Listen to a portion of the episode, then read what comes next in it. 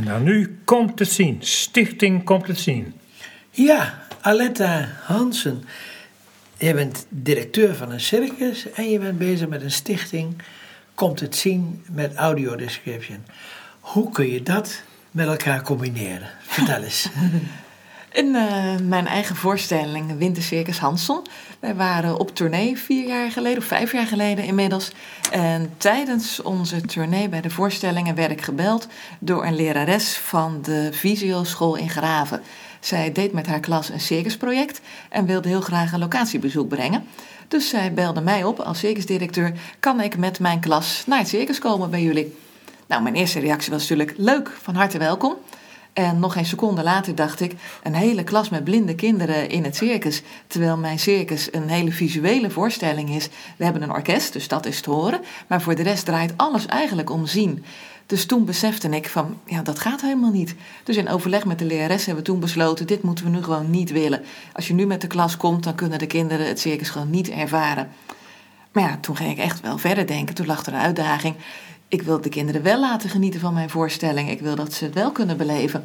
Dus toen ben ik na onze tournee in februari naar de school toegegaan. Uh, ja, toen ging er een wereld voor mij open. Ik moet heel eerlijk zeggen, ik kende de hele blinde wereld niet. En op dat moment besefte ik wat er wel kan, maar ook wat er eigenlijk allemaal niet kan. En zeker het theater beleven, dat dat dus heel erg lastig is, omdat theater voor een groot deel visueel is. Maar je kreeg wel een drive op een of andere manier. Ik kreeg toen een drive. Ik ben zelf een enorme theaterliefhebber. En ja, omdat ik er zo van geniet en zie dat heel veel mensen ervan genieten, wil ik iedereen de kans geven om ervan te genieten. Tuurlijk zijn er ook mensen die misschien wat minder met theater hebben. Maar ja, er gebeuren zulke mooie dingen in de theaters dat ik uh, ja, iedereen die kans wil geven. Dus ja, toen ben ik gaan denken. En, en wat later, kwam er uit die gedachte? um, de gedachte, in eerste instantie had ik het, dacht ik van ja, dit kan gewoon niet. Hoe moet ik dit doen? Toen ben ik vooral gaan praten met de doelgroep. Ik ben gaan praten met blinde en slechtziende mensen. Ik ben bij mensen thuis geweest, ik ben op scholen geweest om uh, te ervaren van hoe is het en hoe, hoe kunnen we dingen zichtbaar maken. En ja, daar is een heel concept uitgekomen waardoor het, uh, het mogelijk werd. En wat is uiteindelijk de truc? Gebruik maken van andere zintuigen. Dus gebruik maken van tast en van het luisteren. Oké, dat is de basis. Dat is de basis, precies. Maar ehm, dan, hoe vul je dat in? Toen zijn we verder gaan denken. Toen zijn we gaan, gaan uitproberen. En toen kwamen we op het concept blinde tolken met audiodescriptie. Dat betekent dat een blinde tolk tijdens de voorstelling alles vertelt wat er te zien is. Dus alle visuele aspecten worden beschreven tijdens de voorstelling. De blinde en slechtziende mensen hebben een draadloze koptelefoon op, zitten uh, gewoon in de zaal in het theater en horen via die koptelefoon aanvullend de beschrijvingen van de blinde tolk. Is het een beetje een aanleiding van de audiodescriptie voor films? Uh, nee, want uh, dat werd achteraf gezien op hetzelfde moment ook ontwikkeld. Alleen dat wisten we niet van elkaar. Oké, okay, dus, separaat. Uh, dus, dus eigenlijk van, er worden dezelfde dingen uitgevonden op verschillende plekken. Sterker nog, wij waren dus bezig om dit te, te, bedenken. En hebben dus met heel veel mensen binnen de doelgroep contact gehad. Ook met, met Bartimeus, met Visio, met de Oogvereniging, met heel veel mensen gesproken. Um, en iedereen um, ja, nam het eigenlijk aan als iets nieuws. Op het moment dat wij het deden, dat een jaar later was de voorstelling dus toegankelijk, hadden wij die blindentolken. Toen kwamen we erachter dat het in Engeland al 30 jaar bestaat. Wat wij dus zelf bedacht oh. hebben in Nederland, maar dat het in het buitenland al gewoon gebeurt. Alleen, ja, dat was hier niet bekend. En ook de Earcatch-app, op het moment dat onze eerste voorstelling met een blindentolk was, was de Earcatch-app nog niet gelanceerd. Werd wel ontwikkeld. De, maar... Wacht even, de Earcatch dat is, het, de, is de app uh, voor um, audiodescription voor Nederlandse films. Ja, voor film en voor televisie. Ja, dat is dus de, de opgenomen variant. Daar uh, wordt van tevoren de beschrijving opgenomen en die wordt gesynchroniseerd met de film, met de televisie, met, dus met de beelden. Dat kan ook omdat film en televisie natuurlijk altijd hetzelfde is. Er wordt één keer opgenomen. Ja, precies. En dat kun je helemaal timen. Ja, maar, wij maar, maar, maar, jij moet live hebben. Ja. Uh, Kun je eens even vertellen hoe dat. Want dat moet ontzettend spannend geweest zijn. Dat je de eerste keer dat het gebeurd is. Want je moest daar mensen voor hebben die dat gingen doen. Je moest opleiden enzovoort. Hoe ging dat? Dat was inderdaad eh, heel spannend. Wij hebben vooral de hele ontwikkeling gedaan met de doelgroep samen. Ehm, door niet in het theater te proberen, maar bijvoorbeeld gewoon met een laptop met een deel van een voorstelling naar een revalidatiecentrum toe te gaan, naar de mensen thuis toe te gaan. Ehm, om daar dingen te gaan beschrijven en feedback te krijgen. Dan kom je er bijvoorbeeld heel snel achter dat je niet alles moet willen vertellen. Uh, met name bij een circusvoorstelling, dat is natuurlijk, ja, daar gebeurt heel veel, daar, daar zit spanning in. Op het moment dat je elk detail wil beschrijven, dan raak je de weg kwijt. Um, een van de dingen die onze tolken ook snel geleerd hebben, is dat je ook kleuren moet vertellen. Uh, bij een van de tests hadden ze dat niet gedaan. En toen vroeg een van de, uh, de blinde mensen: Ja, maar hoe zag de jurk er dan uit? Wat voor kleur was dat dan? Waarop de tolk zei: van ja, maar wat heb je daar dan aan? Wat maakt het uit wat voor kleur het is? Ja, maar bij een kleur heb ik ook gevoel. Ja, heel logisch. Alleen op dat moment wisten wij dat niet. En zo hebben we heel veel details geleerd. En eigenlijk aldoende dus geleerd. Echt in die voorbereidingen. En ja, toen kwam de eerste voorstelling met audiodescriptie. De eerste live audiodescriptie in Nederland. En dat was heel spannend. Maar na afloop was het ja, geweldig. Heel veel emotie. Heel, heel voldaan gevoel. Heel voldaan gevoel, ja. Maar hoe kreeg je nou de goede mensen om dit te doen? Want, want, eh, eh, eh, want je moet toch wel wat in je mars hebben. Want je moet met een heleboel dingen rekening houden om, om het juiste te vertellen voor die blinden. En je moet je kunnen inleven. Ja, ja we, uh, wij hebben nu vier verschillende blindentolken. En die hebben allemaal een theaterachtergrond. Zij zijn allemaal of zelf acteur of regisseur. Dus zij weten allemaal wat theater is. Weten ook hoe een theatermaker werkt. Spreken ook de taal van het theater. En kunnen dus ook een, een, een toneelstuk of een musical of circus analyseren. Weten wat er belangrijk is en wat er niet belangrijk is. Uh, ook in het tolken zelf. Zij, zij tolken eigenlijk als acteur, dus geven ook de emotie mee terwijl zij tolken. De emotie die dus zichtbaar is op het toneel, maar die je niet ziet als je het niet kunt zien. Ja. En je hebt, uh, uh, je hebt nu circus gedaan en nu ga je het ook voor voorstellingen doen. En misschien is het goed dat we eerst even een voorbeeldje laten horen en dat je dat eerst even inleidt. Ja, het voorbeeld is uit de voorstelling Alone at Home. Dat is een familievoorstelling. Het gaat over twee, twee meiden, twee kinderen die alleen thuis zijn. De ouders die zijn weg. En op dat moment proberen twee boeven in te breken in het huis. En die meiden die proberen dat tegen te houden met allerlei booby-tracks, met valkuilen. Ehm, ze leggen Lego-steentjes neer op de grond, wat pijn doet als je erop loopt. En ze smeren de trap in met groene zeep.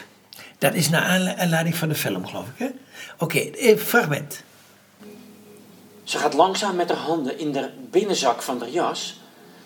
En ze trekt ze naar buiten. Theedoeken. Twee theedoeken. Ze geeft er een aan Fokko. En samen maken ze de traptreden droog. En zo gaan ze treetje voor treetje omhoog. Puk ziet ze komen. Fokko valt naar achteren, maar ze wordt, hij wordt tegengehouden door Vanessa.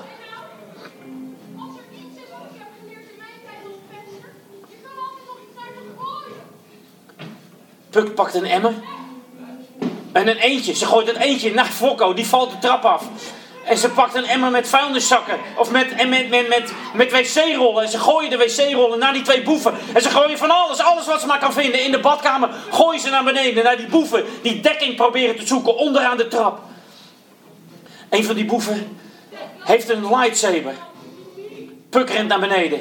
Ook met een zwaard. Puk bovenaan de trap en Fokko onderaan de trap. Ze doen een zwaardgevecht. Ze stoppen met vechten. Wil je hier nog iets over zeggen, over deze scène? Ja, je hoort hier nu vooral de, de audiodescriptie. Uh, als je in het theater zit, dan hoor je ook de tekst die op het toneel gezegd wordt uh, veel duidelijker. Dus dit is um, ja, echt een voorbeeld wat de blinde tolk vertelt. Maar als je in theater bent, dan heb je dus totaalbeleving. Dus dan hoor je alle andere geluiden eigenlijk op hetzelfde niveau als de blinde tolk. Maar ik heb het idee dat het wel erg inlevend wordt uitgesproken. Ja, nou is dit ook een scène waar echt heel veel gebeurt en die ook om de emotie echt gaat. En daar proberen we die emotie ook mee te geven. Dus als die spannend is, dan hoor je dat ook aan de stem van de tolk dat het spannend is. Je gaat ook eh, de, de kinderen die namelijk in, in de uitzending komen. Je vertelde al dat ze een koptelefoon op hebben met een kastje. Ze kunnen eigenlijk overal zitten. In, eh, ze kunnen gewoon bij hun ouders zitten. En, eh, en er is gewoon iemand in, in, de, in de zaal die, eh, die, die spreekt dat live in. En eh, En je had ook nog zoiets dat, ook, dat die kinderen van tevoren nog iets kunnen bekijken of kunnen voelen. Ja, precies. Ik vertelde net dat we uh, dus verschillende zintuigen willen aanspreken. Voor elke voorstelling hebben wij een, een inleiding waar de blinde tolk al uitgebreid vertelt hoe het decor eruit ziet, hoe de kostuums eruit zien. En afhankelijk van de voorstelling kunnen we vaak ook het toneel op om het decor aan te raken of van dichtbij te bekijken. Zijn de acteurs erbij om de kostuums van dichtbij te kijken of aan te raken, om de stemmen van de acteurs van tevoren te horen, zodat je van tevoren al weet welke stem bij welk personage hoort. Dus ja, we doen er zoveel mogelijk aan om alles te kunnen begrijpen en te beleven. En hoe wordt dat ervaren door de kinderen? Wat zeggen ze daarover? Interviewen ze ook daarover? Ja, uiteraard uh, vragen we heel veel feedback om uh, ook ervan te kunnen leren en om de voorstelling echt steeds weer beter te kunnen maken. Um, ja, heel positief. Men is heel blij om het te kunnen beleven en vooral om het met elkaar te kunnen beleven. Bijvoorbeeld bij deze voorstelling, dus een familievoorstelling, dat een gezin, vader, moeder en kinderen met elkaar naar theater kunnen. En niet alleen als het kind blind of slechtziend is, maar ook als een van de ouders blind of slechtziend is. Of bijvoorbeeld de opa of oma die niet meer zo goed ziet, die met de kleinkinderen naar het theater kan en het met elkaar kan beleven. Maar dat is ook. En eigenlijk zit daar hetzelfde in als net met het vorige onderwerp over dat voel je leesboekje. Van dat, dat de, uh, in feite de hulpmiddelen zo worden gemaakt dat de uh, andere kinderen van het gezin er ook wat aan hebben. Ja, precies. Het is echt een, een, gezamenlijke beleving. Echt met elkaar kun je hetzelfde beleven. En niet dat als je blind bent, dat je achteraf bijgepraat moet worden over alles wat er is gebeurd, dat je een achterstand in kennis hebt. Nee, je, je weet op dat moment al alles. En soms weet je zelfs iets meer, omdat de blinde tolk stiekem een beetje extra informatie zelfs geeft. Ja, precies. Nou, ik, ik heb het gezien bij, de, ik heb een aantal keren een, uh, bij de film de audiodescriptie gevolgd. En ik vond dat bijzonder prettig bij de, uh, bij de film over de Oostvaardersplassen. Want uh, ja, die, die vogels, die, dat weet ik niet hoe die heten enzovoort. Maar dat werd wel gezegd. Ja, nou ja, daar hebben wij uh, intern vaak wel discussies over. Van hoe, in hoeverre kun je extra dingen wel of niet vertellen. Want als je het wel ziet, weet je inderdaad ook niet hoe een acteur heet. Of inderdaad wat voor vogel het precies is. En toch kiezen wij er soms voor om die extra informatie wel te geven, als er ruimte is en als het dus past bij de voorstelling. Um, om een keertje die voorsprong te hebben als je het dus niet kan zien. Kijk, bij een Shakespeare toneelstuk uh, doen wij dat niet. Dat is natuurlijk iets waar we ons heel erg moeten houden aan het stuk waar de tolk ook niet de emotie op die manier laat zien. Want daar spreekt de tekst van Shakespeare voor zichzelf. En daar gaat het echt alleen om de visuele dingen. Maar een circusvoorstelling, daar draait het voor een groot deel om de emotie. Maar, en, maar, heb je ook een stuk van uh, Shakespeare ja, gedaan? We hebben King Lear gedaan van Toneel Maastricht. Ja. We doen, hey, wat uh, fantastisch. Ja, uh, we doen ook de, de musical The Adams Family bijvoorbeeld. Uh, de musical Op Hoop van Zegen die gaan. We doen, ja, we doen, doen van alles. We doen toneel, we doen circus, musicals. We zijn in het Dolfinarium geweest. Maar dus, dus betekent dus ook dat het niet alleen maar voor kinderen is, maar ook voor volwassenen? Ja, het is voor iedereen. Ja, okay. absoluut. Het hangt dus van de voorstelling af wat de doelgroep is. De voorstelling Alone at Home, waar we net het fragment uit horen, dat is echt een familievoorstelling. Maar het de King Lear toneelstuk, dat is uiteraard geen kindervoorstelling. Nee, dus het is echt voor iedereen. We doen uh, dit theaterseizoen, dus van september 2018 tot uh, zomer 2019. Alles bij elkaar, 45 voorstellingen. Goh. En, uh, maar even op terug te komen, want ik denk dat het heel belangrijk is dat ook het, het blinde kind ook kan functioneren in het gezin. Dat dingen samen kan doen met het gezin.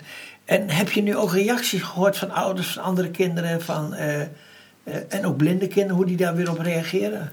Ja, bijvoorbeeld, ik weet een van de, de eerste reacties die we kregen toen we dus bij mijn circus deden voor het eerst, dat een moeder naar mij toe kwam na afloop van de voorstelling. Uh, met natte ogen. En die vertelde mij: Wij zijn nu echt als gezin uit geweest. Vader, moeder, twee kinderen, waarvan één kind zeer slechtziend. En ze zei: Ja, meestal gaan we dingen apart doen. Of heeft het slechtziende kind een, een achterstand in de informatie. En nu zijn we gewoon met elkaar uit geweest.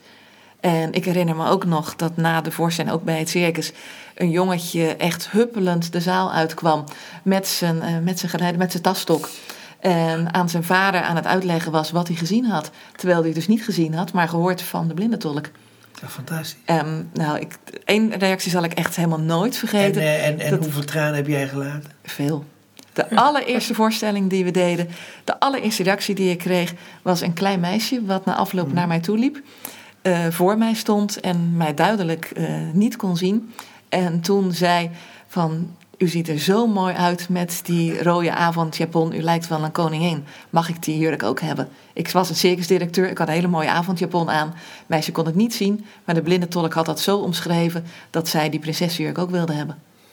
Nou, dan heb ik kippenvel. En dan denk ik, daar doen we het voor. Niet voor mijn kippenvel, maar wel voor het, uh, de reactie van zo'n meisje. Het is heel mooi werk. En het kippenvel, dat kunnen we de... Nee, nee, en, daar zou, ik mee, zou ik mee willen afsluiten. Maar ik zou nog even iets willen vragen over van... Uh, naar de toekomst. Wat denk je wat er allemaal nog kan gebeuren en wat jij wilt gaan doen? De droom van, uh, van Komt het Zien, van al onze medewerkers en de tolken, is dat uiteindelijk gewoon alle theatervoorstellingen in Nederland toegankelijk zijn voor blinde en slechtziende mensen. Dat je kunt bedenken, ik wil vanavond naar de Schouwburg toe en dat dat gewoon kan omdat er een blinde tolk is. Nou weet ik, dat gaat nog 50 jaar duren voordat alle voorstellingen toegankelijk zijn. Maar wij streven ernaar om zoveel mogelijk te doen. Zoals we dit jaar al 45 voorstellingen doen, hoop ik dat we volgend jaar 100 voorstellingen kunnen doen. Maar die 50 jaar zijn we nu begonnen.